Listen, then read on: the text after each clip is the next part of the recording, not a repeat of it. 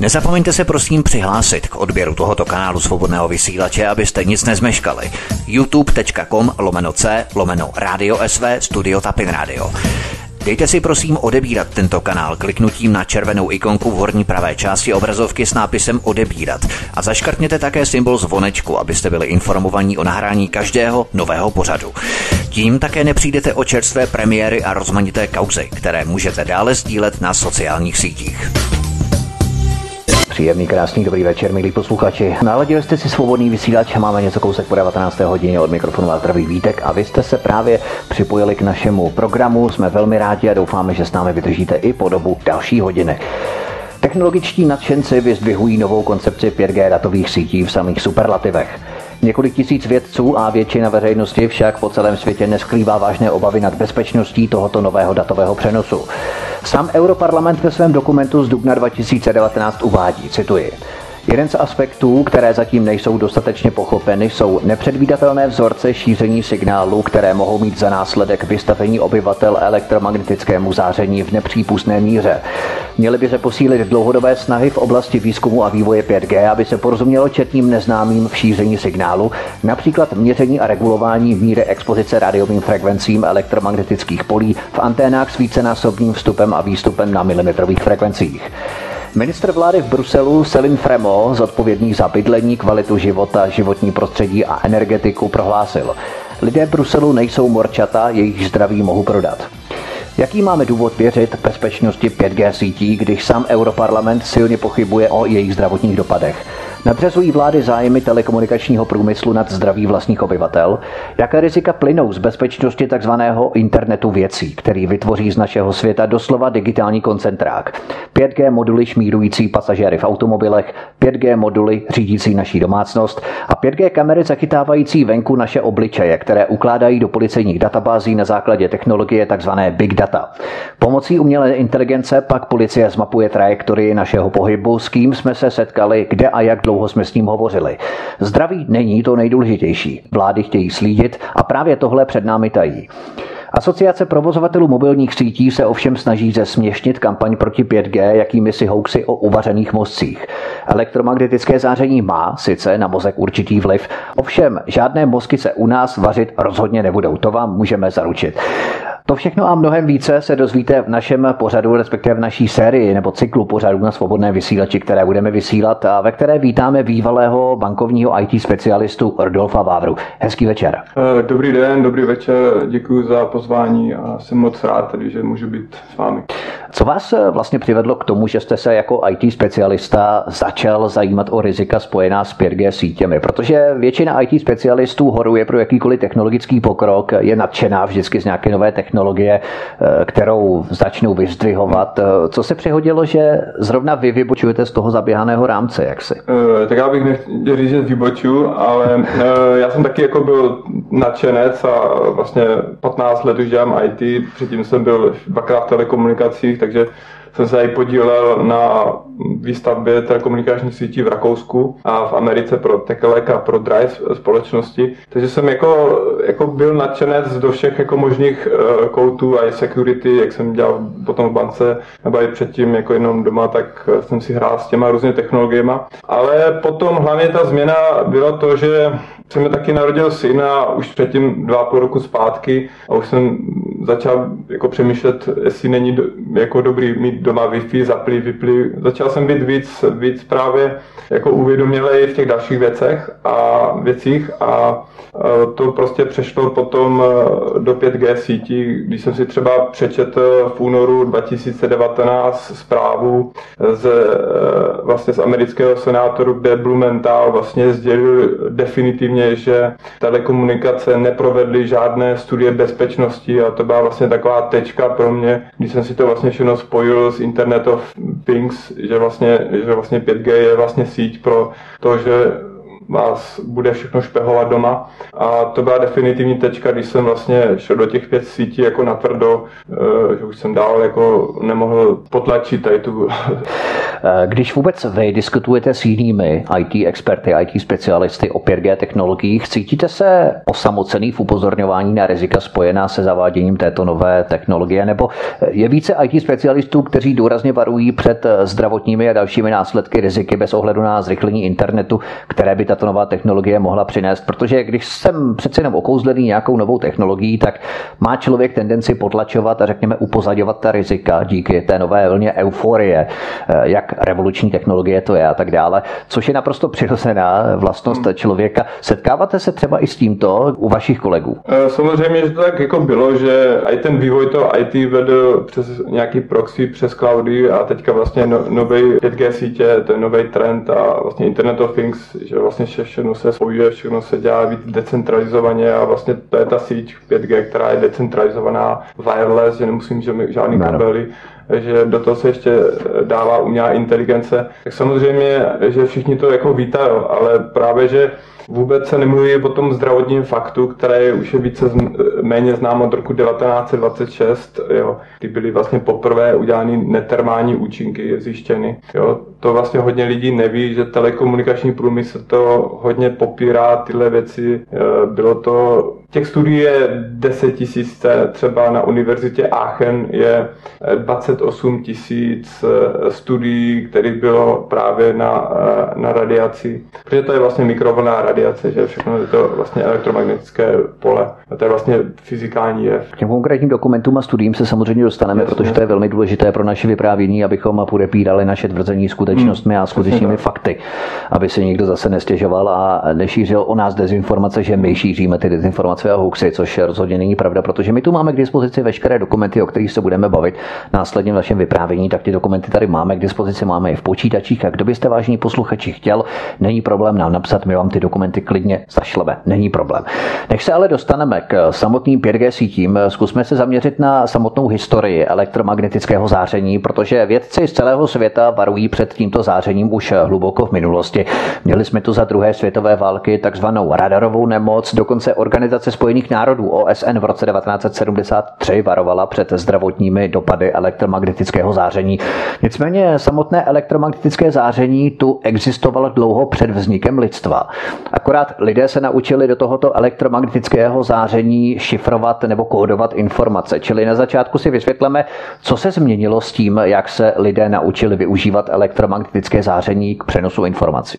Tak když jdem vlastně elektromagnetické nebo 5G jsou vlastně elektromagnetické sítě. Ano, že? zkusme teď celé spektrum v podstatě a frekvenční, nejenom 5G. vlastně zpátky k Edisonovi, který vlastně už začal v roce 1892 vyrábět elektřinu, tak on, měl, on vyráběl hned od začátku špinavou elektřinu, jo, protože měl problém uh, s, ge, s generátorama, jo, protože tam byly kartáčkový oblouk a to způsobilo vysokofrekvenční signály.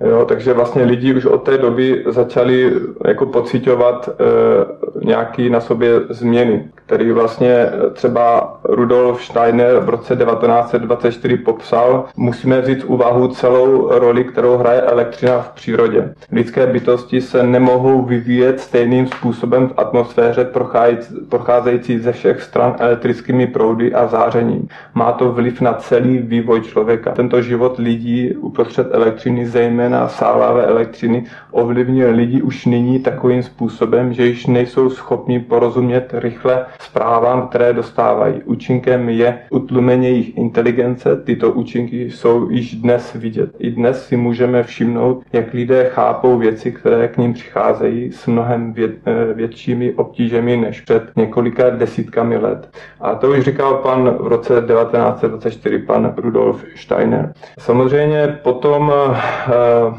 jak vlastně ta doba šla, tak třeba v roce 1926 byl poprvé zjištěn netermální účinek, která je práce zveřejná v roce 1926 chirurgem Šverenbenským. Ten napsal taky problém infant mortality eh, s problémem umírání dětí. Americké, on dělal pro americkou veřejné zdraví a prokázali už smrtící účinky. Expozice EMF polí velmi krátkých vln na myši. Eh, chirurg nepřipisoval myší mortalitu reakci na teplo.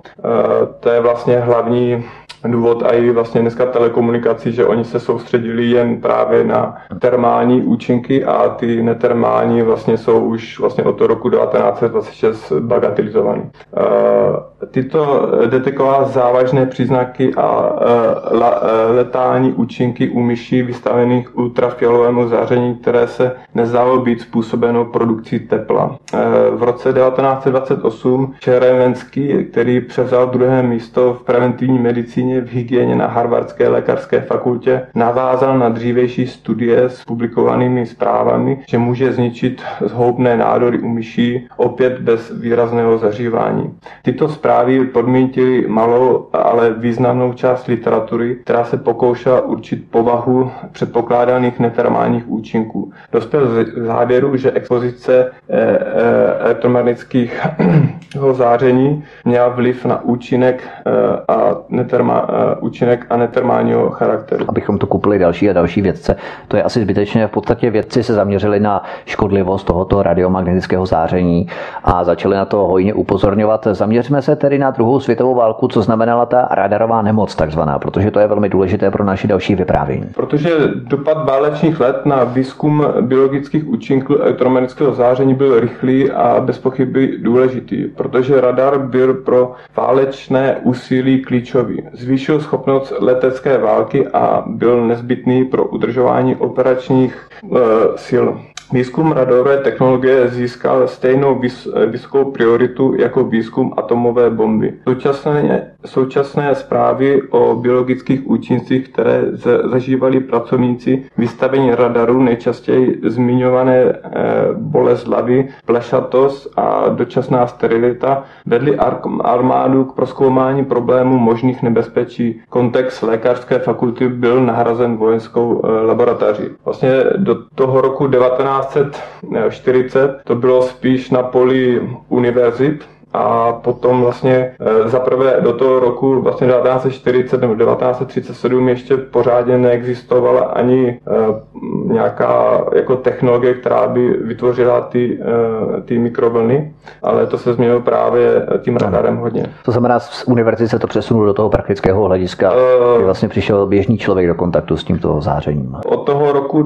1885 do roku 1940 Jasně. to probíhalo na těch univerzitách, kde vlastně vlastně, protože se vědělo, že uh, mikrovlnné záření způsob, jako ohřívá jako tkáně, že to pomáhá vlastně jako zabíjet nějaký biologický uh, organismy, nějaký a dokáže to jako kdyby léčit, tak vlastně to bylo v tomhle kontextu. Samozřejmě hodně věcí tam nebylo ještě pochopeny, proto vlastně to byl takový smíšený background nebo pozadí Eh, toho vývoje, který vlastně i v tom roce 1940 eh, vlastně ta armáda převzala, že, že se jako eh, nevědělo, jestli to je nebo není vlastně zdravý škodlivý, takže kolem toho bylo hodně studií už v té době, ale ten kontext hlavně přešel právě do té, do té armády a vyšetřování prováděné armádou na začátku války odrážela smíšené pozadí nové mikrovlné technologie. Vyšší energetické hladiny a kratší vlnové délky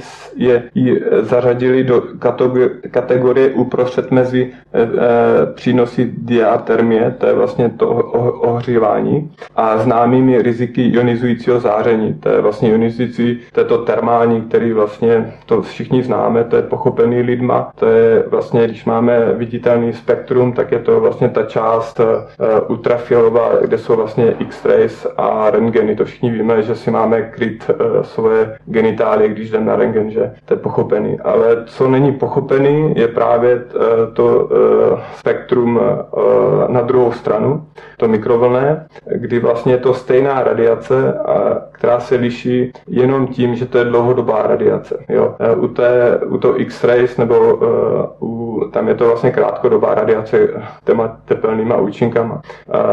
Ale kam mezi ním spadá, že tady vlastně ten problém, když jdem zpátky do roku 1940. Zpráva, kterou vydal radista Tebor, naznačuje, že technický, který byl technický porastě, jasně viděl radar jako málo více než vysoce výkonné diatermické jednotky. To je právě furt, že tam byl ten, eh, jako, jestli to má nebo nemá ty efekty. Že ta armáda procházela si taky svýma různýma jako stádiema. Jak přistupovali vlastně k tomuto záření? Nicméně radarovou nemocí jsme tedy pokračovali dále a vysvětlili jsme si, že radar má nepříznivý vliv na zdraví radaristů, kteří vlastně byli nepřetržitě vystaveni tomuto záření.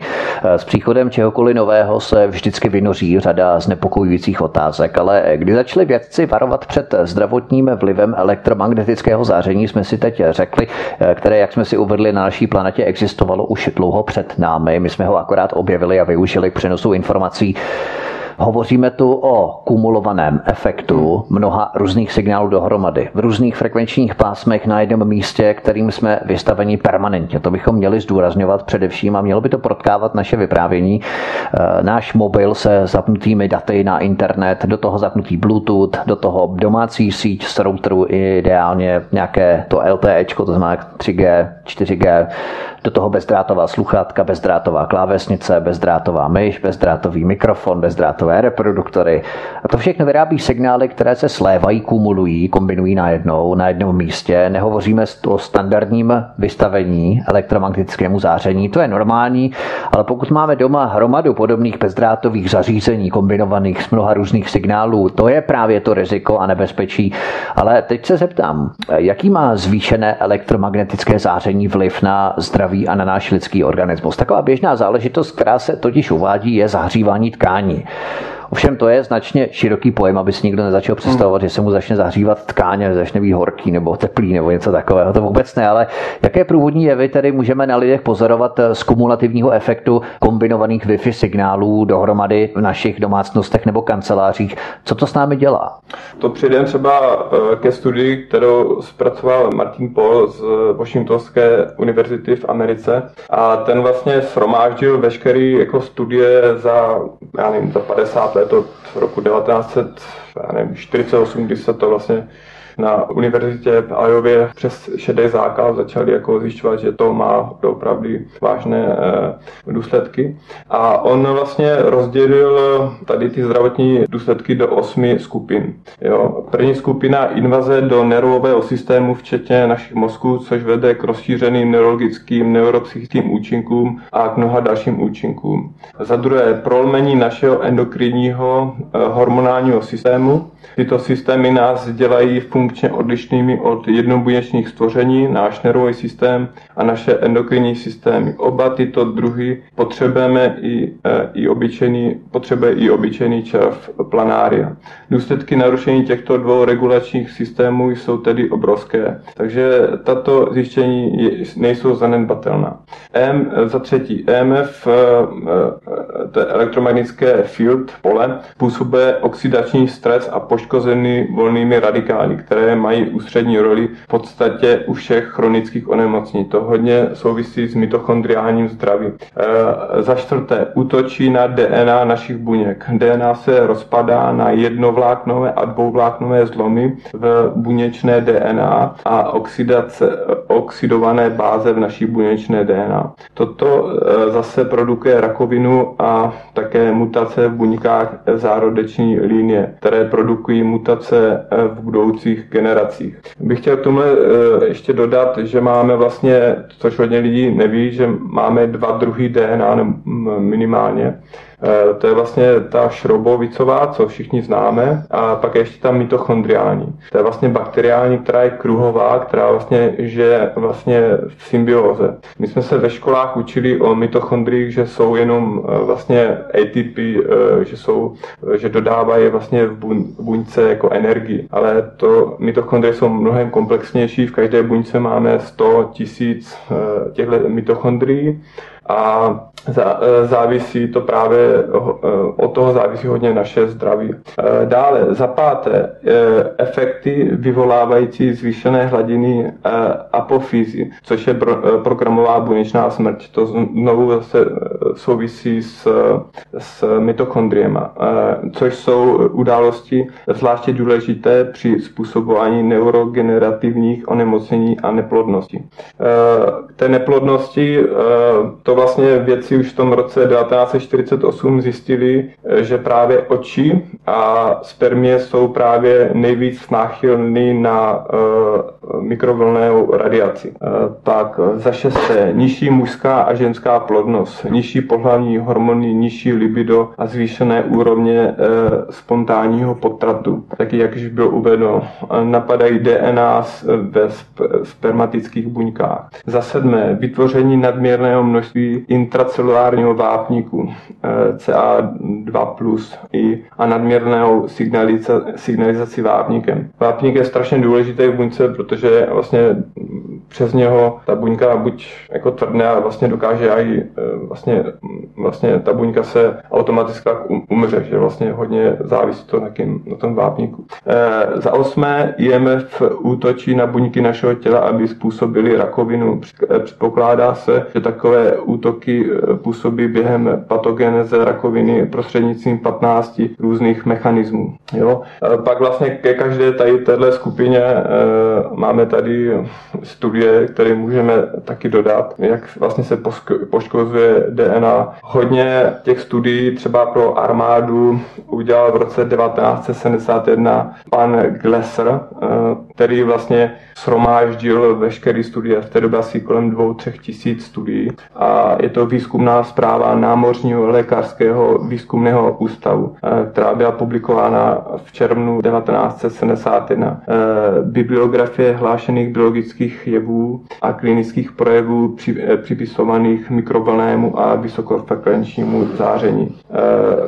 Tato zpráva byla také revidována pozdějšími autory, třeba Martinem Polem v roce 2000 2017. Eh, ještě můžu rozebrat to mitochondriální zdraví, protože si myslím, že to hodně...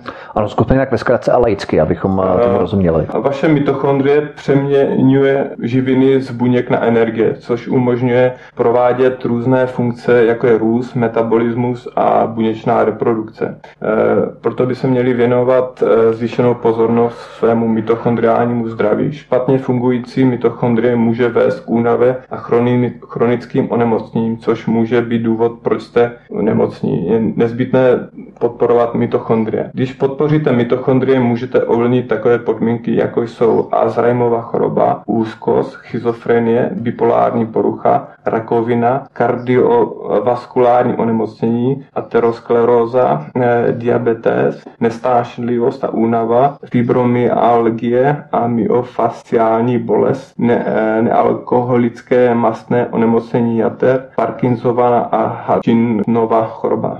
To vyslovuji správně. Eh, pak také stárnutí a další efekty. Jak elektromagnetické pole ovlivňuje mitochondrie? Kdykoliv budete mít pohyb nabitých částic vytváříte elektromagnetické pole.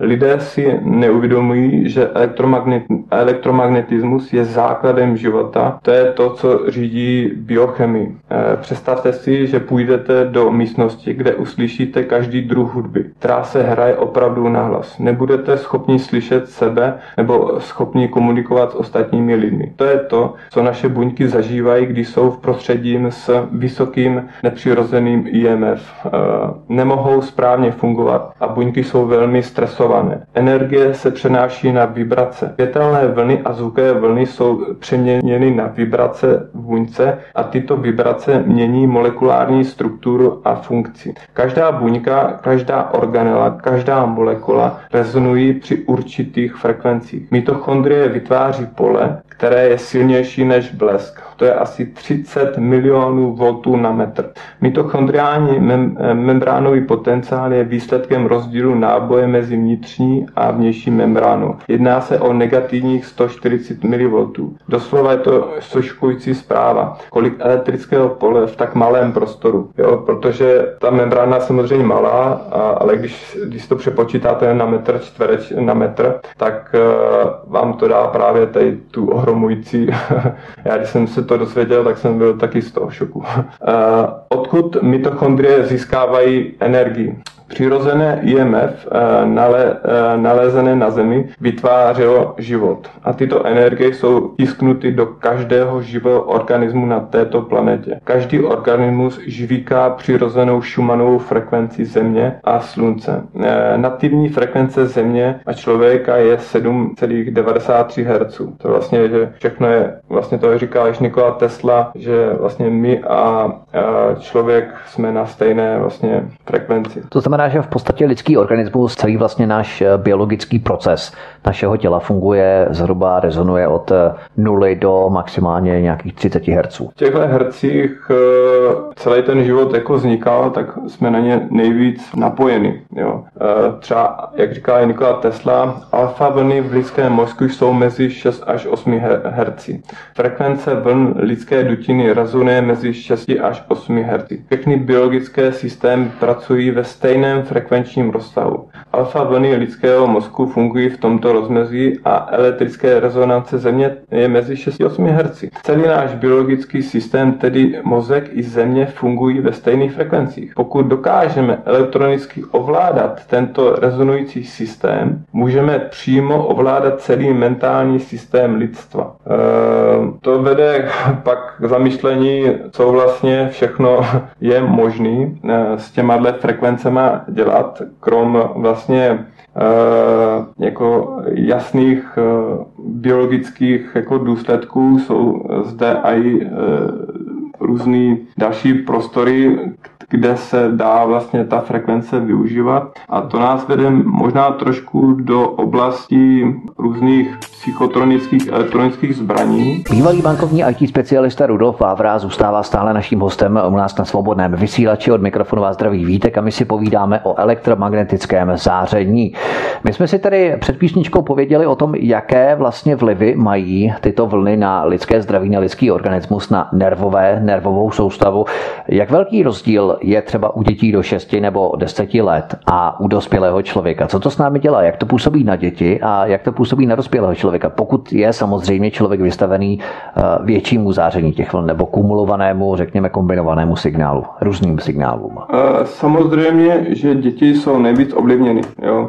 To byl taky ten můj podnět, proč jsem jako do toho šel, protože ty děti jsou ještě malé a dokážou, oni všechno absorbou vlastně. Takže jsou jako houba. Jsou jako houba. A my bychom mě, měli je chránit, že? protože to je naše prvořadá povinnost. Aha. A třeba směr, směrnice FCC, což je vlastně eh, organizace, která by nás měla globálně chránit, třeba vůbec nestavuje žádný limity pro těhotné ženy ani děti. A, eh, a je nezbytné, aby každý nový standard pro mobilní telefony nebo jiná bezdrátová zařízení byl založený na ochraně nejmladších a nejvíc zranitelných skupin obyvatelstva. Počítačové simulace pomocí magnetické rezonance eh, MRI skenu dětí je jediným možným způsobem, jak určit mikrovlné záření absorbované ve specifických tkáních u dětí. Děti absorbují více eh, eh, záření než dospělí, protože jejich mozkové tkáně jsou více savé, jejich lepky jsou ten, tenčí a jejich relativní velikost je menší.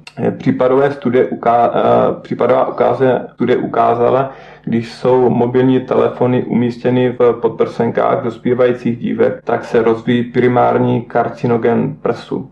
Expoziční limity eh, zůstaly po dobu 19 let nezměněny. Všichni výrobci smartphonů mají varování, které popisují minimální vzdálenost, eh, po které musí být telefon držet mimo dosah uživatelů, aby nepřekročili současné zákonné limity pro expozici. Limit expozice pro přenosné počítače a tablety je nastaven při testování zařízení 20 cm od těla. Jo, kdo má dneska 20 cm od těla telefon, když vidíte i malé děti, které eh, používají telefon a mají to u ucha. I když eh, další úmluva Organizace spojených národů o právech dítěte, eh, státy se zavazují zajistit dětem takovou ochranu a péči, která je nezbytná pro jejich blaho. Zajistit přežití a rozvoj dítěte a přijmout vhodná opatření pro boj proti chorobám s ohledem na nebezpečí a rizika znečišťování životního prostředí. To se taky neděje. Technologie ničí empatii našich dětí. V tomto byl dobrá práce pana doktora Dietricha Klingharta, který byl zakladatel Sofia Health Institutu a ten vlastně říká, že veškerý nositelné zařízení jsou určení k nošení a jsou nejčastěji navržení pro použití denně nebo během cvičení. To také ovlivňuje strašně děti eh, a i vlastně těhotné a všechny. Že? Děti by měly omezit, eh, kolik času tráví hovory na mobilních telefonů. Jo? To se shodují lékaři. Eh, dneska máme i petici, kterou podepsalo tisíce lékařů na 5G Space Appeal a tam vlastně si můžete i zadat, jestli chcete najít lékaře, vědce a máte tam, můžete jim zavolat, jsou kontakty na univerzity, takže můžete to s nima probrat, eh, protože je potřeba to trošku nastudovat, ty, ty věci, s čím vším se to spojuje.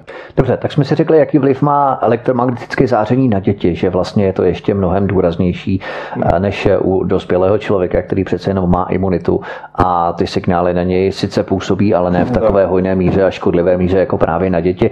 Co byste ale namítl na argument, že signál pro mobilní telefony se šíří prostřednictvím elektromagnetického neionizujícího záření, které se vyskytuje v přírodě i v přirozené formě, přičemž největším zdrojem je samotné slunce, protože ze slunce u nás v létě prý dopadá na každý metr čtvereční tisíc vatů. Přitom elektromagnetický výkon telefonu u ucha člověka, které absolvuje tělo při hovoru, dosahuje podle Českého zdravotního ústavu hodnoty zhruba 0,1 W.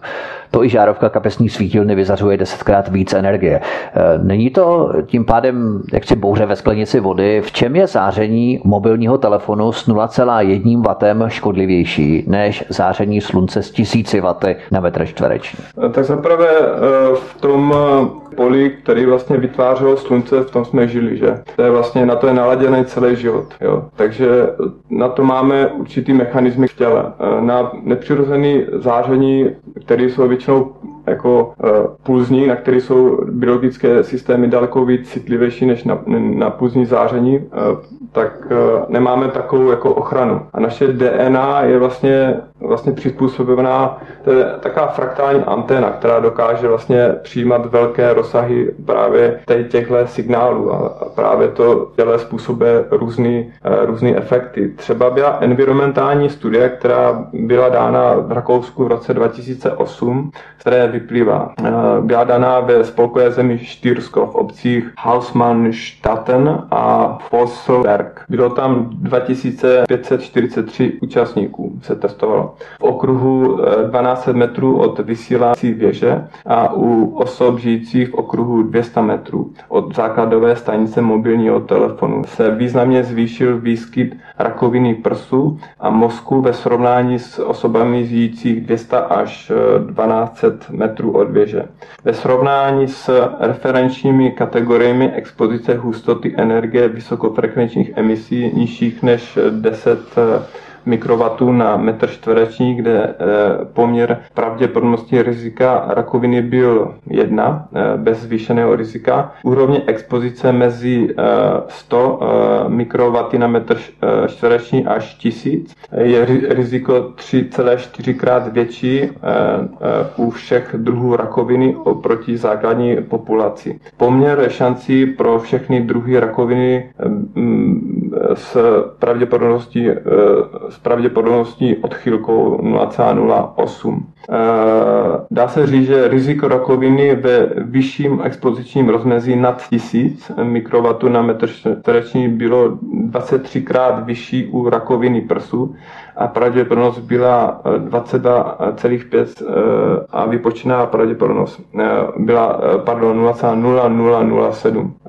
A při nádoru mozku toto bylo dokonce 121 krát vyšší s odchylkou tady, tady vždycky 121,1 a Oberhalf, eh, máme tady studie, takže to doložíme. Eh, Česká republika už v roce eh, vlastně 1968 vlastně stanovila, tam byla jedna, jedna studie, kterou teďka hledám, stanovila limity pro, pro vlastně radiové, hra radiové vysílání, protože v, dá se říct, že v Rusku, v Polsku byly daleko přísnější limity než v západních zemích. No přesně na ty vysílače to je taky docela logické, že ty všechny vysílače většinou se nacházejí mimo ty hustě zastavěné městské aglomerace s výjimkou třeba Pražského Žižkova, což je docela zvláštní, protože přímo v centru Prahy, v Pražském Žižkově, je vysílač, který je velmi silný. Několik, myslím, že 5 kW má v rámci no, rozhlasového vysílání. Já jsem ho i jako měřil, že jsem tam jako byl a tam, když jsem mě měřál, tak ten měřák přišel přes eh, maximální hodnoty a hmm. takže jsem to vlastně ani nemohl změřit, jak to bylo vysoký. Takže v tom ty lidi jako podléhají značné radiace a právě jsou tam ty kumulativní efekty. Ano. Že vlastně, vy vlastně ty kumulativní efekty můžete vidět až za 10-20 let. A to souvisí právě s těma mitochondriema, který třeba už po 24 hodinách nich dochází ke genetické změně. Oni jsou daleko citlivější na radiaci než vlastně naše uh, jádrová DNA. A vlastně, když si vlastně poničíte třeba té buňce 50-60% těchto mitochondrií, tak začnete mít jako zdravotní problémy, jo, takový průměrný. A když třeba už poničíte 80%, tak vlastně uh, budete mít už vážnější zdravotní nemoci. A to právě souvisí uh, s vaším zdravím do velké míry a Právě hmm. jsou tam ty kumulativní efekty e, za těch 10-20 let. Jo. Tím pádem, a i když to chcete potom jako ty mitochondrie nějak jako opravit, tak zase potřebujete nějakou dobu, než vlastně je zase opravíte, že to nejde ze dne na den, nemůžete uvažovat ani v řádu týdnů, měsíců, spíš v řádu let. Hmm. Samozřejmě k tomu e, hodně přispívá to, eh, jak vlastně eh, žijete. Jo. Eh, musíte dodržovat nějaký zdravotní režim, spát třeba v, ve tmě, jo, kde vlastně, protože naše oči jsou strašně citlivé a na, na, na jeden, dva fotony, které v noci jako přijmete.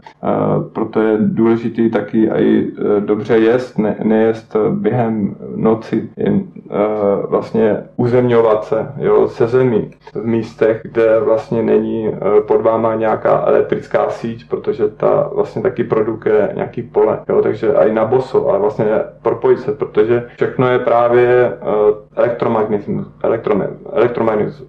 Bez elektřiny se nic v našem jako těle nestane. Ano. To je samotná myšlenka vlastně elektrický impuls který probíhá naším mozkem.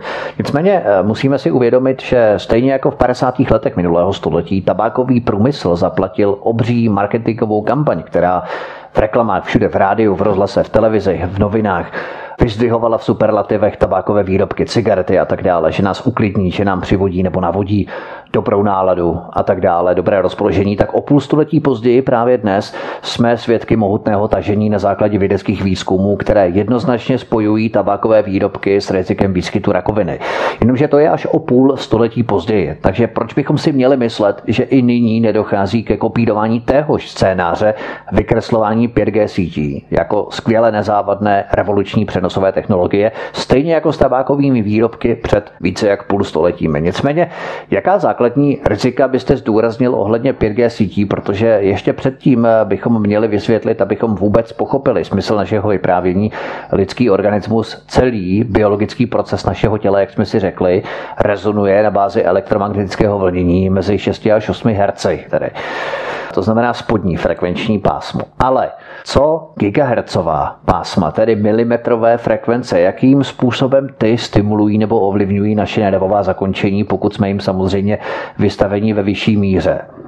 Tak uh, ještě k Nikola Teslovi tohle, pokud chcete najít tajemství vesmíru, přemýšlejte o energii, frekvenci a vibraci. Uh, elektrická uh, energie je všude přítomná v neomezeném množství a může řídit světové zdroje bez potřeby uhlí, ropy, plynu nebo jiných běžných paliv. To taky právě říkal Nikola Tesla. Dál říká, můj mozek je pouze přijímač.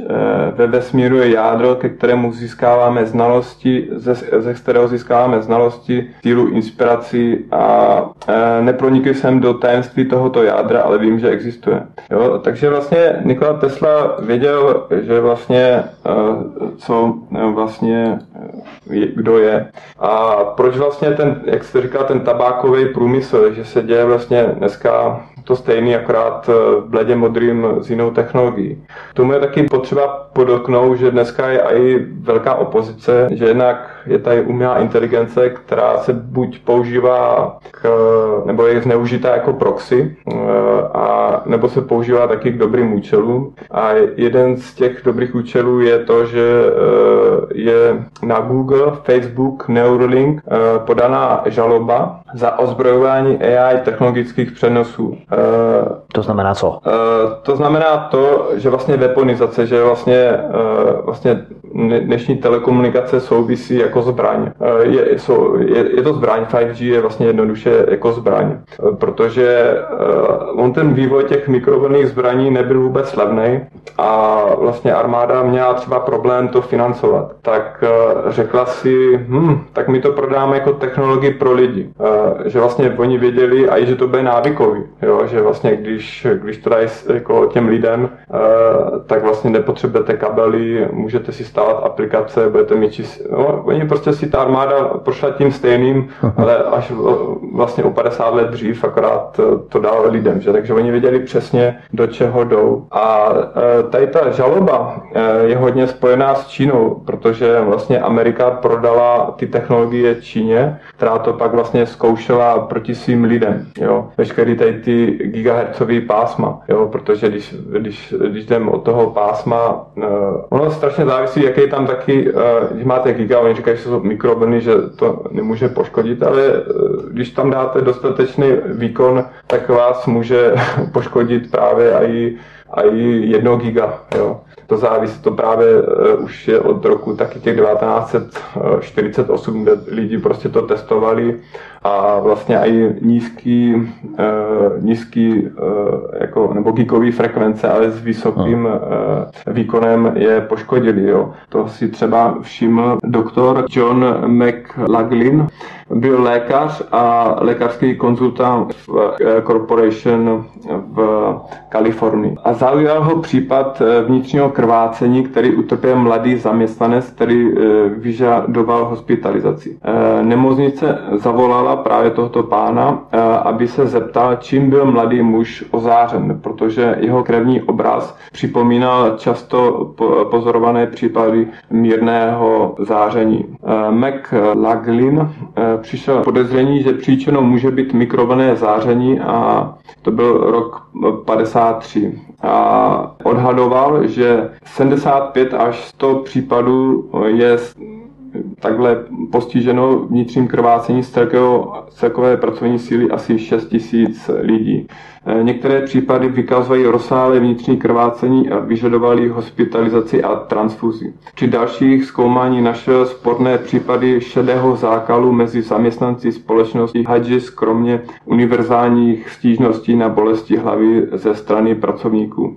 A v té době se jednalo o gigaherce. No. Nebyly to žádný jako ale velkého výkonu. Eh, vyšetřování Johna Boysona týkající se účinku ozáření králíků po celém jejím těle definitivně přesvědčilo velení armády, že mikrovlné záření by mělo být úplně přeskoumáno.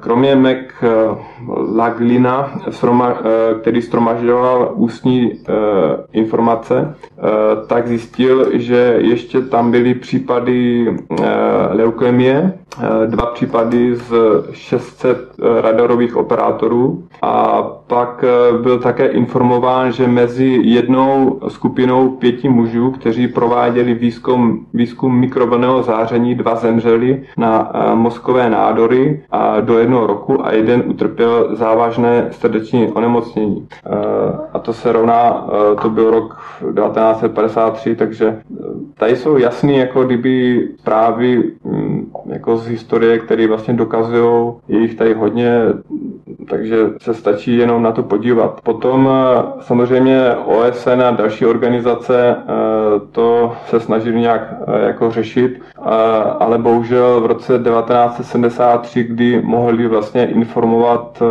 lidi o těchto, těchto věcech, tak bohužel neučinili, protože se lekli, že by mikrovlné zbraně mohly být použity proti, proti ním. Takže vlastně celý se to jako kdyby ututlalo a bagatelizovalo, ale říkám, že v České republice my jsme tady měli jeden strašně dobrý tým lidí, že vlastně naše, naše výzkumy byly tehdy uh, na světové špičce uh, a vlastně daleko víc překonali americké standardy, které byly hodně právě pozměněny vojenským průmyslem a s, třeba projektem Paperclip, kde vlastně oni zatajovali, zatajovali hodně věcí, protože to bylo jako váleční tajemství a nechtěli vlastně taky říct ty věci uh, jako lidem ani vojákům, protože by to vyvolalo určitou reakci. Takže oni měli třeba standardy, které byly tisíckrát jako horší pro zdraví než třeba standardy, co, jsou, co byly v té době v Československu. Tak a o tom všem si budeme povídat po písničce. Zahrajeme si, naším hostem zůstává bývalý bankovní IT specialista Rudolf Vávra. Posloucháte svobodný vysílač od mikrofonu a zdravý vítek, písnička je na cestě a po ní pokračujeme. Hezký večer, dobrý poslech. Bývalý bankovní IT specialista Rudolf Vávra je naším hostem u nás na svobodném vysílači od mikrofonu a zdravý vítek a my jsme si před písničkou pověděli, jakým způsobem působí ultra i infra záření na lidský organismus a na naše zdraví. Na internetovém prostoru se šíří fámy o tom, že milimetrové vlny mají negativní vliv na zdraví lidských buněk DNA. Opět zdůraznuji, že se jedná o expozici lidského organismu vyšší dávkou elektromagnetického záření. Ovšem, abychom uvedli věci na pravou míru, nebo tyto polofámy, do jaké míry a hlavně v jakých případech začínají být buňky DNA ovlivňované elektromagnetickým zářením, protože pokud je naše tělo vystavené takovým frekvencím, ve kterých funguje naše nervová soustava, nese to sebou nedozírné následky. První vědecké pokusy v tomto oboru proběhly v Rusku už ve 30. letech minulého století a po zveřejnění několika úspěšných pokusů v 60. letech na západě s umělým vyvoláním neschopnosti soustředění nebo s vysíláním zvuků a později i slov přímo do mozku, tak eh, byly další výzkumy utajené. Například Ellen H. Frey na Cornellově univerzitě v Itase ve státě New York 1. července 1962. To byl ten výzkum. Eh, co bylo výsledkem těchto vědeckých vládních výzkumů? Protože když prohlásíme vysílání slov přímo do mozku, tak ono to zní tak trochu tajemně, ale když ke mně přece doputuje prostřednictvím radiových vln nějaké slovo, tak mu rozumím a mozek ho přijme, zpracuje a vyhodnotí ho. Není to také vysílání slov přímo do mozku, nebo jde o o jakési podvědomé vysílání vzkazů do mozku. Co o těch eh, výzkumech vlastně víme?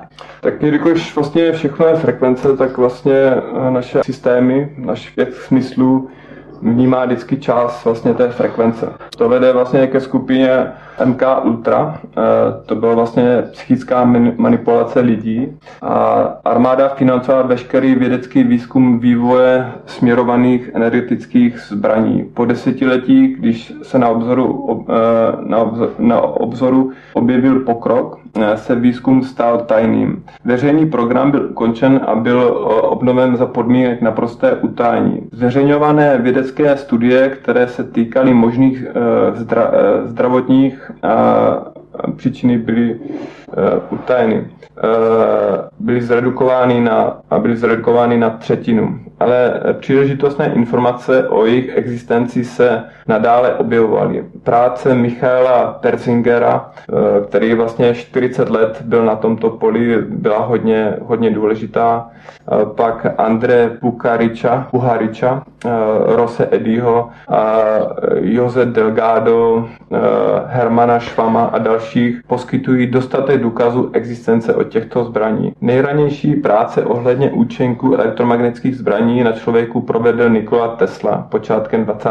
století v jeho uh, smrti, který vlastně chtěli potom uh, vlastně třeba Japonci. Nejraně, udělat. Nejranější protipěchotní elektromagnetické zbraně se vystupovat do začátku 40. let. Pravděpodobně ještě do dřívější doby. První zmínky existují v přehledu amerického strategického bombardování, který vyhodnocuje japonské výzkumné a vývojové snahy týkající se právě toho paprsku smrti. Lidské bytosti, váleční zájci byli používáni ve smrtelných experimentech v laboratoři.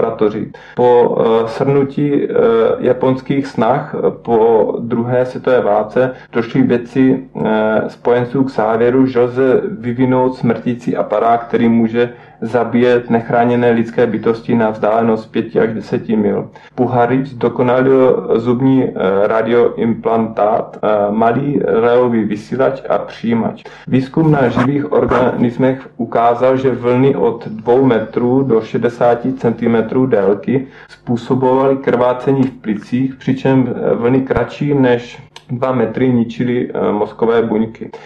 Doktor Andrej Puharič studoval koncem 40 let vliv rádiových vln na zvířata na univerzitě. Později založil lab- laboratoř nazvanou uh, Roundtable Foundation of Electrobiology. Puharič byl zaměstnancem a armádní, v armádním centru pro chemické a biologické zbraně ve Fort Detrick, Detrick v Marylandu, eh, kde pro CIA v roce 1954 také eh, zkoumal účinky LSD. Oh. Potom to vede právě, jak jste říkal, k panu doktoru eh, Elenu Frajovi, eh, který byl biofyzik pro vyspělou elektroniku v Centru pro vyspělou elektroniku na Cornell univerzitě a kontraktor pro úřad námořního výzkumu a v roce 1958 objevil, že lidský sluchový systém reaguje na elektromagnetickou energii v rozsahu radiofrekvenčního spektra o nízkém výkonu hluboko pod úrovní nutnou pro biologické poškození. E, citace. Lidský sluchový systém a stolní rádio se mohou ohledně citlivosti na radiofrekvenční energii lišit jen o řád. Doktor Fry navrhoval stimulaci nervového systému bez škod, eh, které způsobují elektrody. Napsal dvě studie. Sluchový efekt mikrovln a aplikace eh, a lidská sluchová reakce na modulovanou elektromagnetickou energii. Eh, Allen, Ellen Frey experimentoval s mikrovlnami a snažil se převést mluvené slovo přímo do sluchového kortexu, kortexu prostřednictvím pulzního mikrovlnu upraveného analogu, analogu vibrace reproduktorů. Prejová e, práce na tomto poli dala vzniknout takzvanému e, mikrovlnému slyšení. E, Frejová práce měla zjevné využití v tajných operacích, synchronizoval pulzní mikrovlny se srdečním rytmem žabího srdce a toto srdce přestalo tlouct. Frey zdokonalil způsobování srdečních zástav elektromagnetických vyzařování vzděláním, ozařoval mikrovlnami kočky a zjistil, že stimulace hypotalamu má výrazný dopad na emoce. Zjistil, že lidské subjekty vystavené 1,3 GHz až 3 GHz, což jsou vlastně naše uh, 3G, 4G Aha, sítě, ano, ano. které jsou vlastně na stejné frekvenci jak naše mikrovlnka 2,4. Uh, mikrovlnkách při průměrném výkonu 0,4 až 2 mW na centimetr vnímali slyšitelné zvuky, uh, což jsou vlastně malé vaty. Že? Uh, my máme daleko víc, že i v naše Wi-Fi, kolik má vatů naše mikrovlnka. Špičkové výkony byly v řádu 200 až 300 mW na centimetr a opakovací pulzní frekvence se liší v rozmezí 200 až 400 Hz. Frey v tomto sluchovém fenoménu mluvil jako o radiofrekvenčním zvuku. K jeho eh, k, je, k věmu docházelo nepřetržitě při průměrném výkonu hluboko pod úrovní potřebné pro známé biologické poškození. Takže vlastně tyto změny eh, v lidském těle se dělo ještě před těma termálníma změnama, jo? jako na hlubší vlastně úrovni než vlastně vlastně v těch 40. letech, 50. oni to nebyli schopni jako měřit tyto, tyto, tyto změny. Hmm. A zdálo se, že zvuk má původ v hlavě nebo těsně za ní. Doktor Frey se zdráhal experimentovat na lidech, ale jiní, obzvláště věci z projektu Paperclip, nikoliv. Ještě k tomu projektu Paperclip, to vlastně bylo, když vlastně do USA přišli věci z Německa. Eh, někteří z nich měli různou uh, historii. Uh, doktor Michal Penzinger potom vlastně navázal na tyhle experimenty, zůstal v tom poli 40 let a udělal hodně, hodně věcí. Byl psycholog a neurolog a zkoumal efekty elektromagnetického záření na mozek v rámci zbraňových projektů Pentagonu. Byl financován námořnictvem a údajně též NSA. Pensinger zdokonalil prostředky, které umožňovaly, aby experimentální subjekty mysleli, že byly třeba uneseny mimozemšťany, či měli kontakt s anděli nebo bohem. A to za pomocí upravené motocyklové helmy, eh, vybavené selenoidy, které vysílaly elektromagnetické pulzy skrz čelní mozkové laloky. Citace. Lidský e, zážitek Boha lze vygenerovat v rámci procesu, který s tím, zda Bůh existuje či ne, nemá nic společného. E, doktor Pensinger zveřejnil studii o možnostech přímého přístupu ke každému lidskému mozku pomocí elektromagnetické indukce základních, eh, základních algoritmů. algoritmů. To byl rok 1995. Eh, Citace. Proces, eh, proces, který je spojen s úzkým pásmem teploty mozku, může každému normálnímu lidskému mozku umožnit, aby byl ovlivněn subharmonickým zvukem. Jehož frekvence jsou na úrovni 10 Hz by se lišila o pouhých 0,1 Hz. Náhodné variace budou eh, hluku v rámci matice by se případně u jednotlivých mozků lišily. Zkusme než zdlouhavé nějaké teorie vědecké vysvětlit eh, opravdu laicky, mm-hmm. jaký vliv to tedy má na ucho člověka. To znamená, že se jedná o neslyšitelné frekvence, které nezaznamenáme standardním vědomím, ale které si jaksi dostanou do našeho mozku formou, která není slyšitelná, tou spodní formou, spodní frekvence. E, protože vlastně každá myšlenka má svou jako frekvenci. E, vy vlastně, když máte třeba anténu a v ní začnete jako třeba vysílat frekvenci strachu, tak vlastně ty lidi eh, si tu frekvenci nějak přeberou, eh, ten mozek to nějak přežvíká. Frekvence začnou... strachu je co? To je, to je jaká frekvence konkrétně? Uh, přesně tu frekvenci jako nevím, jaká to je frekvence, ale všechno je frekvence. A i naše myšlenky, každá myšlenka má svou frekvenci. To znamená, že vědci objevili frekvenčních rozmezí, jakém frekvenčním rozmezí to, rezonuje frekvence strachu nebo frekvence agresivity a tak dále. Pásmo, v kterým vlastně my myslíme, že to je nějak kolem těch 6-8 Hz, jestli si nepletu. To je celé frekvenční pásmo v no, rámci no, našeho myšlení. To závisí i ty malé frekvence, že jako, uh-huh. jaký jsou jako rozdíl mezi nima. A právě dneska už e, ta technologie, konkrétně 5G, je hodně citlivá právě rozeznávat i drobné detaily. Je to napojené právě na big data a na umělou inteligenci, která dokáže tady ten uh, směs těch signálů uh, rozšifrovat a dokáže vlastně, uh, vlastně cíleně každému člověkovi posílat ty frekvence. Na to jsou vlastně i ty zbraně, které nesmrtící, že vlastně dokážou i dřív to bylo tak, že eh, vysílali jenom jednu frekvenci pro všechny, ale teďka už dokážou i právě přijímat ty frekvence a vysílat každému člověkovi zvlášť eh, a odkud? do hlavy. Odkud? Eh, to jsou různé buď antény, protože třeba s, s 5G anténama souvisí beamforming, že vlastně oni dokážou vlastně ten paprsek zacílit. Že to není klasická anténa, která posílá ten signál všestraně, ale že to je vlastně pomocí několika antén, které se dávají do pole, fázového pole, tak vlastně dokážou vlastně, to souvisí s fyzikálním jevem. To nevadí, ale jedná se o beamforming, to znamená tvarování toho paprsku, který je vystřelování a do konkrétního okna eh, konkrétnímu člověku tedy. Ano, no. no. Je to vlastně, eh, vlastně každý je vlastně náš mobil, vlastně jak přijímač, tak i vysílač. To bude až 5G, že vlastně? To už, ne? to je vždycky každý, každý vlastně, když se připojíte do sítě, tak vlastně on vysílá váš mobil taky signál, má taky malou anténu. Jo, dneska vlastně no. vidíte ty malé antény a i v, když jedete v autě, jak jsou veškerý ty chytrý uh, různý gateways, ty brány, tak tam vidíte taky, nebo i vidíte to na různých, uh, uh, jak jsou teďka ty inteligentní systémy v městě, když pojede autobus, aby měl všude zelený, že? Jak to víte, to je to, že ta anténa přes tu kameru Eh, snímá ten autobus a pak eh, podá ten signál a vlastně vysílá signál do další anteny, aby na další křižovatce byla zase zelená. Jo, takže vlastně eh, tyhle systémy se daleko víc vlastně všude jako rozšířou.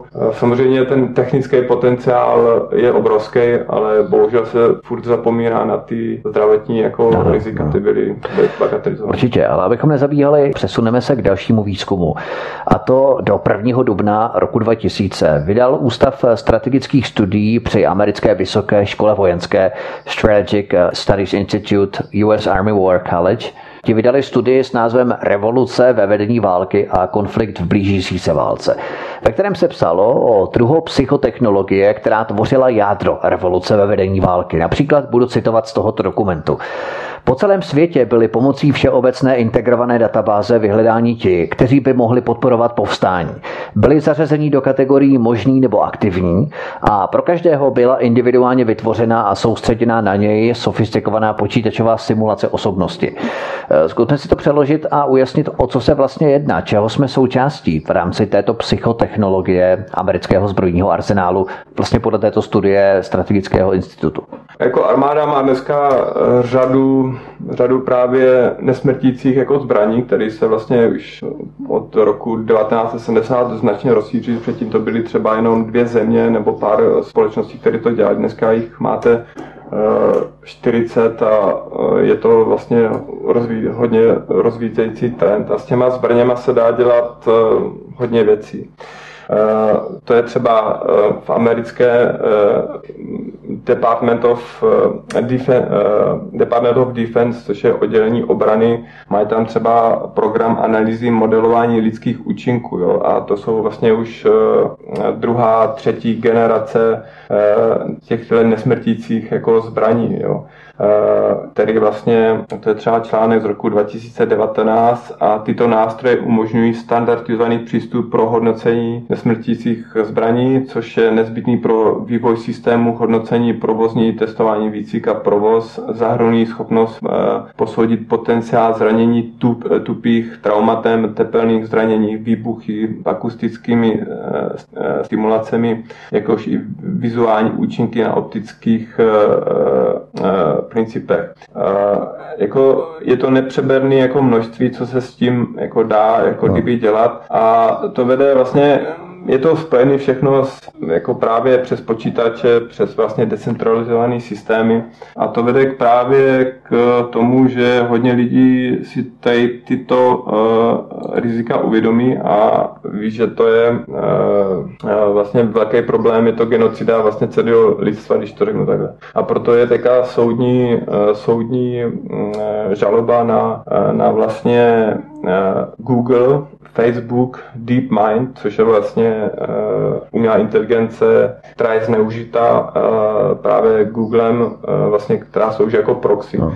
server. To proxy server znamená to, že vlastně někdo je za tou vlastně uh, za tím serverem nebo za tou umělou inteligencí a používá to ke svým, ke svým účelům. Jo. Pak je tam AlphaNet, Neuralink uh, a i proti Teslovi jo, a proti vlastně veškerým uh, uh, jejím zástupcům, jako jako je Larry Page, uh, Mark Zuckerberg, Elon Musk, jsou dneska vedení uh, trestní oznámení a říká se to, že to je jedna z nejvýznamnějších a nejdůležitějších uh, soudních žalob, která je v 21. století, která změní vlastně celý face, protože to je hodně spojený jako s čínskou genocidou, ohrožení lidstva zneužití umělé inteligence spoluúčastí a pomoci ve fyzické genocidě uvnitř Číny eh, převodem technologií AI, zapojením se do kulturní genocidy lidstva a ovládáním a programováním lidské rasy pomocí sociálního inženýrství, pomocí kódování AI a algoritmické biometrické manipulaci AI. Koncem 90. let minulého století psal ruský poslanec Vladimír Lopatin v knize Psychotronická zbraň a bezpečnost Ruska, že je nutné zabránit tomu, aby byli lidé používaní jako bioroboti. V té době usilovalo Rusko o mezinárodní zákaz těchto zbraní, jejich úsilí ale narazilo na nezájem Spojených států amerických připojit se k mezinárodní konvenci, která by podobně jako u chemických a biologických zbraní zavedla celosvětový zákaz vývoje a používání zbraní ovládajících činnost lidské nervové soustavy. Nicméně části vládních tajných programů, které unikly na veřejnost, hovoří o výzkumech, které využívají různé vlnové délky k vyvolávání rozličné škály pocitů u člověka, posilování nálad strachu nebo naopak agresivity, o kterých jsme se bavili. Máme v tomto směru nějaké validní informace z uniklých fragmentů těchto utajovaných vládních výzkumů, které jsme se citovali, ať už americké, anebo bývalé sovětské, později ruské vládní výzkumy. V polovině března roku 2016, protože se blížíme do současnosti v polovině března 2016, to znamená před zhruba čtyřmi lety, naštívil polský ministr obrany Antony Macierevič Univerzitu Pátera Tadeuše Ricika a vystoupil tam v diskuzi na téma problémy současné politiky, ozbrojené konflikty a terorismus.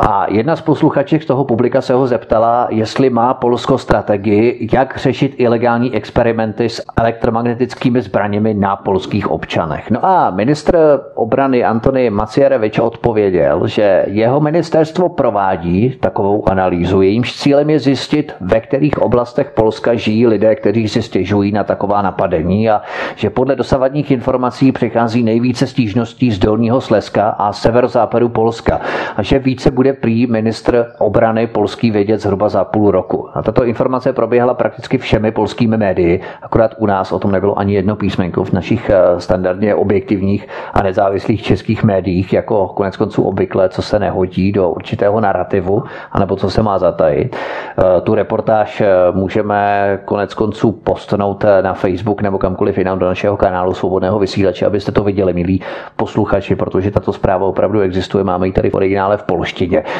Polský ministr obrany tak byl vlastně prvním nebo jedním z prvních vrcholných politických představitelů, jak v Evropské unii, tak na celém světě, který nepopřel existenci elektromagnetických zbraní a skutečnost, že působí na lidský organismus a jsou nejspíše zkušené na lidech. Vnímáte to jako další střípek z řady důkazů spadajících do mozaiky, jakým způsobem probíhají vládní programy, které jsou přísně utajované v rámci výzkumu působení různých frekvenčních vlnových dálek na lidský organismus? Tak samozřejmě eh, je to tak. Eh, v Polsku je silná komunita proti vlastně zavádění 5G eh, daleko víc než v České republice. Tam se o tom daleko víc jako mluví v těch médiích než u nás, bohužel nevím, proč to tak je, i když jsme vlastně jako máme podobnou vlastně historii. Je to trošku škoda, je to vlastně v České republice se to bagatelizuje ono tomu hodně jako, eh, jako zapříčil v rok vlastně 1996, kde vlastně se vyměnila celá vlastně tehdejší skupina lidí, která vlastně měla na starost vlastně eh, veškerý radiové vysílání, veškeré hodnoty, limity a všechno. Eh, protože se jim, oni nechtěli jako na sebe vzít tu zodpovědnost, že vlastně za zabíjení lidí, jo? že se změní ty hodnoty. A proto vlastně oni z politických eh, no, důvodů... Jsou ty expoziční limity vlastně, které máme, že v rámci zákona číslo 251 lomeno 2015 bírky to vlastně bylo aktualizované jednak tedy v roku 2000 a jednak tedy v roce 2015 byly ještě, ještě více rozvolněné. Tak no. no. Eh, to se v tom roce 99 se to asi desetkrát zvýšilo a od úrovně, co bylo vlastně eh, od roku 1960, vlastně 30 let, tady byla nějaká jako studie a to bylo nějaký nějaký 4 eh, volty na, na, a pak se to zvýšilo v tom roce 2000 na nějakých 40 a Aha. pak to se to zvýšilo na nějakých 127. Eh, takže vlastně tam ten nárůst je patrný a to je vlastně, se dá říct, že s každým rozšířením vlastně tady těchto eh, jako mikrovln vlastně byl nárůst civilizačních jako nemocí, což vlastně bylo hodně skryto před, před veřejností celosvětové, že vlastně elektřina, vlastně jak jsme se o tom bavili, tak je vlastně základ všech eh, biochemických jako procesů v těle a když si s tímhle začnete hrát, tak eh, vlastně eh, měníte, měníte úplně celou, celou škálu vlastně biologických procesů. Plus tomu se dneska ještě přidávají satelity, proto je vlastně i stop 5G hodně mezinárodní, protože dneska už je jedno, jestli jste z České republiky nebo z Polska, protože když nad váma lítají satelity, kterých vlastně má být až 42 tisíc podle eh, zprávy z říjnu 2019, tak eh, vlastně dneska už nikam ne, ne, neutečete. Takže se to musí právě řešit, eh, je to takový souboj s časem, sice třeba na veškerý ty Google,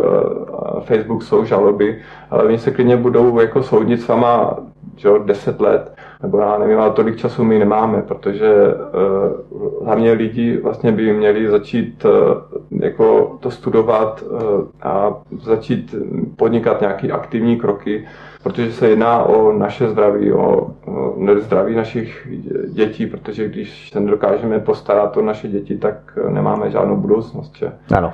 To znamená, že v milimetrových vlnových délkách hovoříme o takzvaném beamforming, o čem jsme se to bavili, což je tvarování vysílaných paprsků, které jsou cílené do konkrétního místa, vykazují směrovou charakteristiku a fungují už přímo na konkrétní zacílený subjekt nebo subjekty.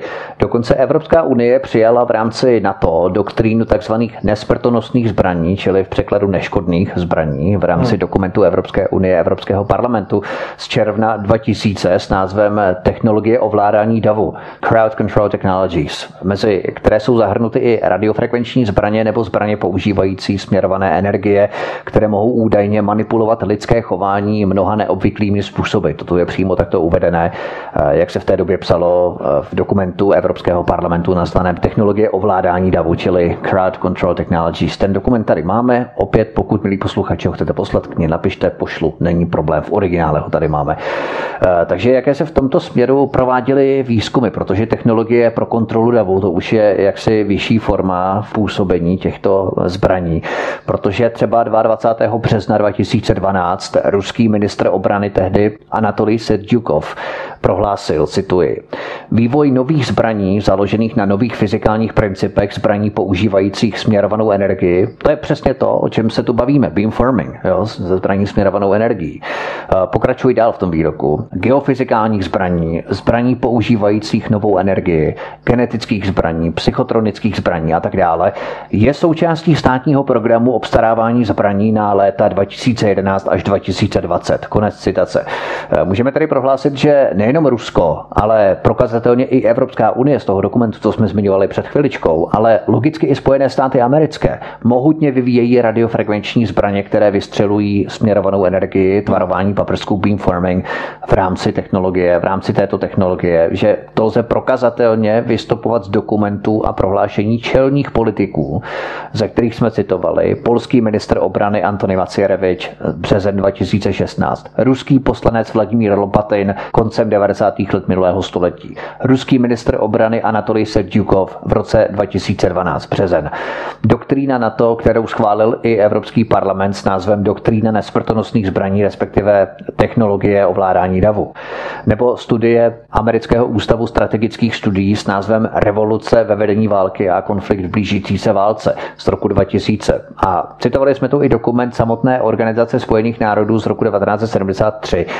Z toho všeho si můžeme skládat střípky, mozaiku, do čeho jsou zapojené jednotlivé vlády, největších mocností na planetě a jaké radiofrekvenční zbraně na ovládání davu se zřejmě vyvíjejí. Prostě o tom asi nemáme vůbec žádnou představu, je to pro nás i skutečně hotové sci-fi. Eh, já bych chtěl říct, že vlastně Rusko se snaží daleko víc vlastně už posledních desetiletí o těchto věcech mluvit. Eh, vlastně hodně věcí uvolnilo, daleko víc eh, než třeba západní jako mocnosti, což je můj osobní dík Rusku a jsem za to neskutečně rád, že vlastně se o tom také mluví.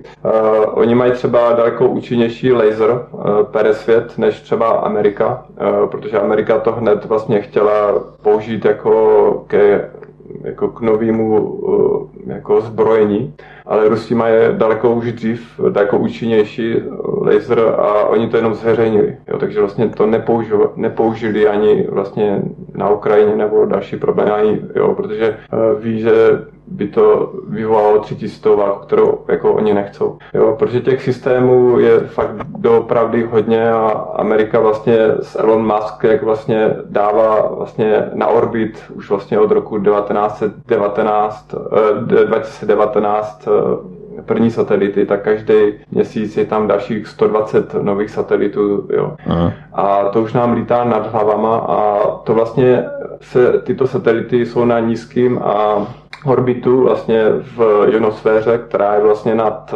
atmosférou, což je vlastně nějakých 60-100 km nad, nad Zemí. A to je vlastně pro Zemi ta nejdůležitější část. To je vlastně, jak dá se říct, že tam vlastně vzniká vlastně celý, celá eh, jako elektrický, elektromagnetický jako pole, který vlastně berte tak, že přijmete nějakou energii ze slunce a ta vlastně eh, je nějaký potenciál, je nějakých 300 tisíc Eh, voltů, to už říkala i Nikola Tesla, jo, že si představte, že v té výšce máte 300 000 voltů a pak máte na Zemi nulu a on říkal, že představte si, že máte velký eh, kovový pilíř, takže vlastně na jednom konci máte 300 000 voltů a na, na druhém konci máte nulu. Jo, takže to můžete použít s různýma směrama, že?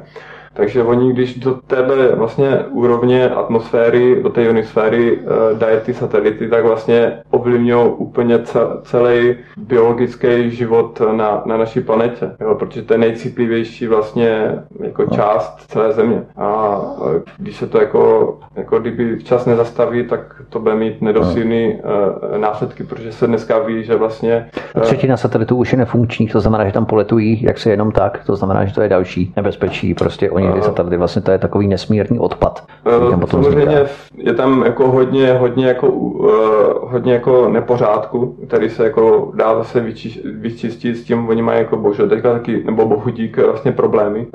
Uh, ono už i třeba v roce 2008 nebo 7 Čína jako dokázala se středit si svůj vlastní jako satelit, jo, že to jsou už vlastně uh, právě vysokofrekvenční zbraně energetické nebo death weapons nebo lasery, že to už jde zpátky do těch hvězdných válek, že dneska vlastně i Donald Trump zavedl další odvětví armády, která se má právě soustředit na ty, ty hvězdné války. Takže ono Uh, ono to je realita. Dneska, jako když si vezmete, co bylo před 20 rokama z sci-fi, tak uh, dneska ani před těma 20 rokama to nebylo z sci-fi, ale dneska už je to jako mezi náma úplně normálně. Přesně tak, protože my si ty zbraně a jejich účinky ani nedokážeme představit a jsou mimo naše hranice lidského chápání.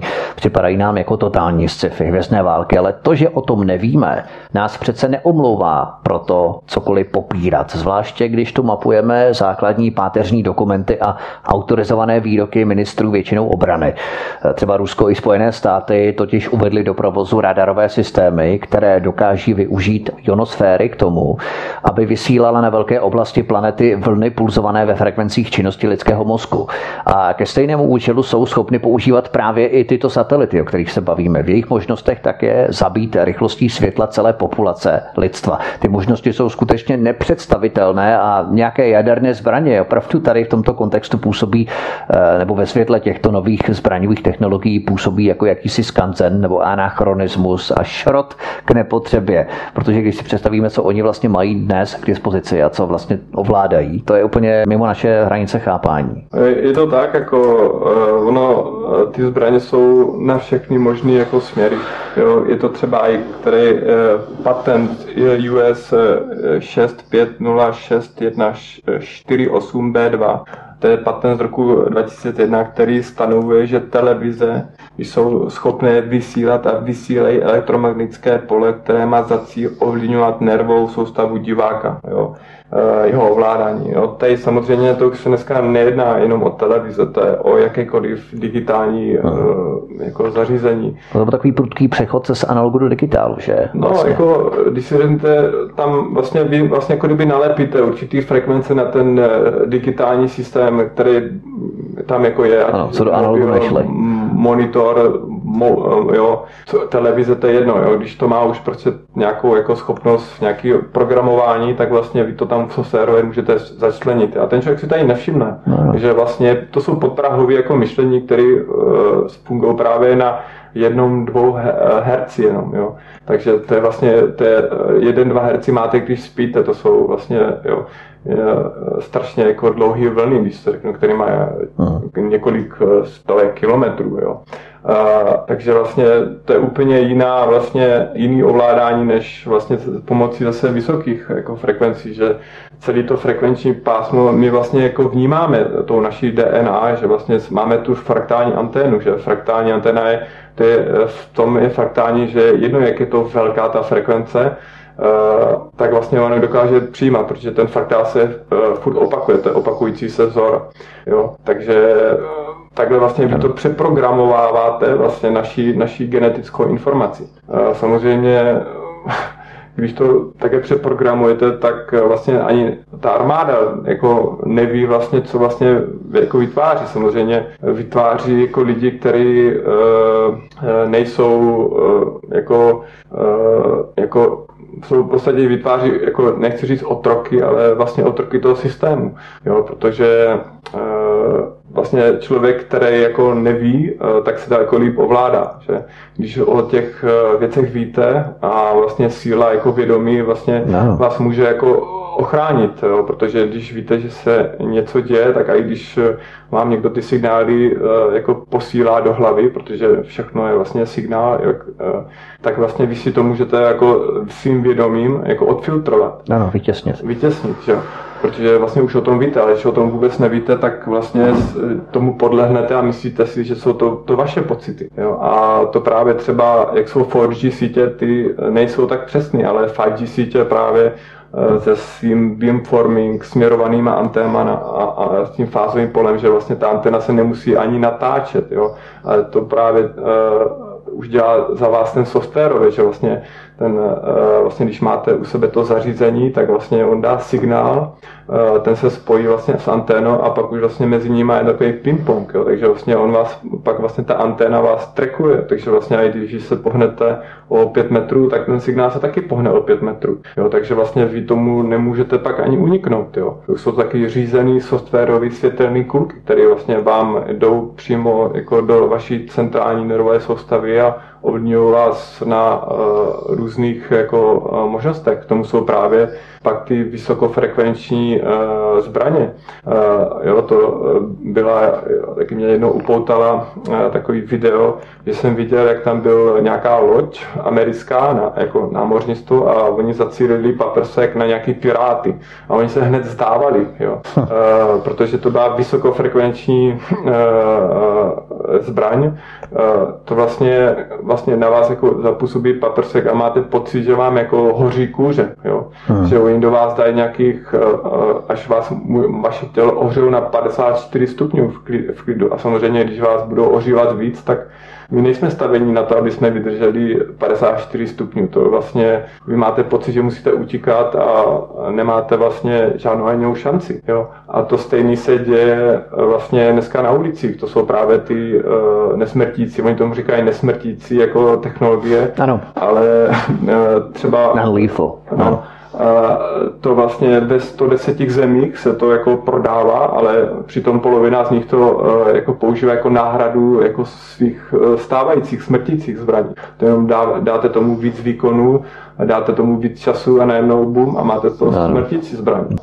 A o tom všem si budeme povídat při příštím pořadu v dalším vysílání svobodného vysílače v našem cyklu pořadu, který se věnuje technologii na bázi 5G, protože se nám čas naplňuje, my se rozloučíme, protože tohle byl jako jakýsi úvod do této problematiky. My jsme si vysvětlili, jakým způsobem radiomagnetické záření ovlivňuje náš organismus, jak působí, jaké má zdravotní dopady a vysvětlili jsme si také, jakým způsobem lze manipulovat naším vědomím na základě dokumentů, eh, které tady máme v originále v angličtině, máme je tady, můžeme vám je poslat, technologie ovládání davu Evropské unie, respektive Evropského parlamentu a další certifikované, autorizované výroky politických představitelů, zejména tedy ministrů obrany Polska, Ruska, Ameriky, Spojených států amerických a tak dále. To znamená, že tento pořad představoval jakýsi vstupní úvod do této problematiky a my si příště budeme povídat a zaměříme se už přímo na 5G technologii, v čem se vyznačuje, v čem je revoluční a v čem se liší od předchozích LTE, to znamená 4G, 3G technologiích, v čem vlastně spočívá ta její genialita a samozřejmě internet věcí, který je na tuto technologii vázaný, dotvoří vlastně tu kompletní sérii špionážní technologie, která bude kontrolovat veškeré trajektorie našeho pohybu prostřednictvím kamer rozpoznávající naše obličeje ve veřejném prostoru.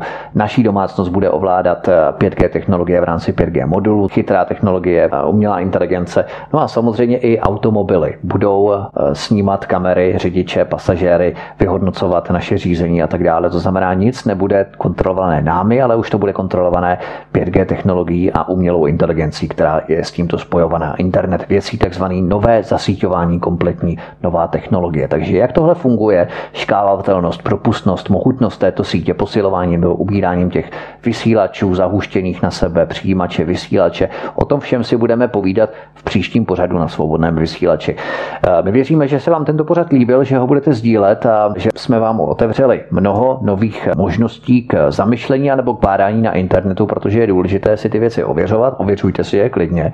A pokud budete chtít, klidně nám napište, my vám ty informace pošleme a mohli bychom na konci tohoto pořadu uvést i webovou stránku, na kterých lidé najdou mnoho informací, a které právě asociace provozovatelů mobilních sítí jak si zesměšňuje na bázi jakýchsi hoaxů o grilovaných mostcích, nebo co oni tam vlastně všechno píší za nesmysly, což vůbec my netvrdíme.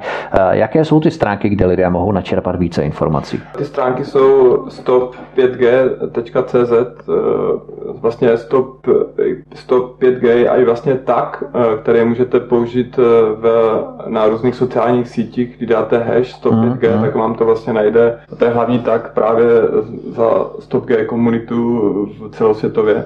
Takže přesto si můžete najít jako informace a stop5g.cz se snaží právě jít touhle cestou ne strachu, ale šíření informace, protože nikdo nechce šířit strach, protože je potřeba to zastavit tenhle strach a spíš cestou informovanosti a otevřenosti tím to společně zastavit, protože jedna, jedno procento lidí se to snaží vlastně jako kdyby zneužit a 99% lidí vlastně je to proti tomu zbytku a 95%, 98% moc nic nedělá, 1% se, se snaží jako zase aktivně proti tomu něco dělat, tak je potřeba no. vlastně, aby se tady tyhle procenta trošku změnily ve prospěch právě těch lidí, a ty lidi vlastně převzali jako, jako zodpovědnost eh, za to vlastně, za, vlastně, co je kolem nás, protože všichni máme děti. A když nemáme jako děti, tak nemáme ani budoucnost, takže je to vlastně, já bych moc rád jako apeloval na jako zdravý rozum, kritické myšlení, aby ty lidi vlastně, vlastně e, se spojili, protože jedině tak dokážeme jako to zastavit, protože to není o jednom člověku, to není o jedněch stránkách. Dneska, když se podíváte, tak těch stránek je daleko víc a 105G.cz nebylo jako první, co vlastně v Česku informovalo o, o těchto nebezpečích, byly i další stránky. Byla tady vždycky komunita, vlastně, která vlastně se to snažila nějak říct, protože říkám, jak už v tom roce 19 1996 nebo 2000, jak byli vyměněni ty lidi z politických důvodů, tak ty lidi, co to nechtěli jako připustit, aby, aby vlastně se ty limity změnily, tak vlastně furt proti tomu něco dělali, takže eh, je tady další stránky kolem elektrosmogu, eh, jo, takže těch lidí je víc a když si to začnete zjišťovat, tak zjistíte, že v tom nejste sami, a, ale je potřeba právě ty lidi, kteří jsou třeba hodně závislí na té technologii, aby si eh, to uvědomili a hlavně vlastně ochraňovají ty děti, nedávali to těm dětem, jo. A ono to třeba, i když jste hodně na, hrajete třeba počítačové hry, jo, tak vlastně ve vás to vytváří stresový hormon kortizol, jo. A ten, když vlastně z těla jako kdyby neuvolníte, tak vlastně vlastně dochází k agresivnímu chování toho jedince. Jo? Protože ten kortizol krátkově době má jako si opodstatnění třeba v krizových situacích, když vlastně je to z naší historie utíkej nebo bojuj, že? Ano. V obou těchto případech vlastně potřebu ten kortizol, aby vlastně svaly fungovaly na svý nejlepší možnosti. Ale když vlastně sedím u počítače, tak vlastně ten kortizol nespotřebuju a naopak vlastně o to víc jsou agresivnější e, vevnitř. Jo. A aby vlastně si uvědomili e, tady tyhle souvislosti a omezili vlastně těm dětem e, právě i hraní tady těchto her, protože to pak vede k různým střílením ve školách, jo, že už ty lidi si, nebo ty děcka jsou natolik zmanipulovaný, Eh, že vlastně si myslí, že to je nějaká jako už eh, hra eh, a to je potřeba jako zase, aby ty rodiče si to uvědomili a udělali krok proti tady tomuto a udělali něco proti to. A když si vezmete Steve Jobs, který vlastně založil Apple, že, tak když se ho jeden novinář jako ptal, že to je super, že ten vlastně ten iPad je tak jako návyková věc, ne? že vaše děti to musí milovat. Ne? A Steve Jobs řekl, uh, oni to nikdy nepoužili. Uh, a my v naší rodině limitujeme uh, přístup dětem k technologii. Ne? Takže to by měla být další nějaká varovná uh, vlajka, červená, která by měla říct, proč vlastně Steve Jobs to nedovolil používat svým dětem. Že? Takže těch věcí ze všech různých směrů je dopravdy dost a je potřeba to jako no. studovat. Je pravda, že i jeden ze spoluzakladatelů Facebooku také se nechal slyšet, že svým dětem nedovoluje, aby na tuto sociální síť chodili. Takže to byl Rudolf Vávra, bývalý bankovní IT specialista, který byl s námi tady u nás na svobodném vysílači. My vám děkujeme a budeme se těšit někdy příště. Děkujeme. Tento i ostatní pořady si, milí posluchači, můžete stáhnout nejenom na stránkách svobodného vysílače, ale také na mém YouTubeovém kanálu youtube.com lomeno c lomeno Radio SV Studio Tapin Radio. Tady můžete kliknout na takovou červenou ikonku v pravé horní části obrazovky a tím se připojit k naší komunitě, abyste odebírali všechny čerstvé premiéry, žádnou z nich jste nezmeškali a chodila vám třeba i do vašich e-mailů, pokud kliknete na symbol zvonečku. Takže to všechno můžete udělat, prosím, odebírejte tento kanál, protože to je velmi důležité, abyste nezmeškali třeba i další následující pořad, který se bude týkat 5G technologií. Už přímo vysvětlíme si konkrétně 5G technologie z velkých detailů, z velkých podrobností. Od mikrofonu vás zdraví Vítek, hezký večer. Prosíme, pomožte nám s propagací kanálu Studia Tapin Rádio Svobodného vysílače CS. Pokud se vám tento nebo jiné pořady na tomto kanále líbí, klikněte na vaší obrazovce na tlačítko s nápisem Sdílet a vyberte sociální síť, na kterou pořád sdílíte. Jde o pouhých pár desítek sekund vašeho času. Děkujeme.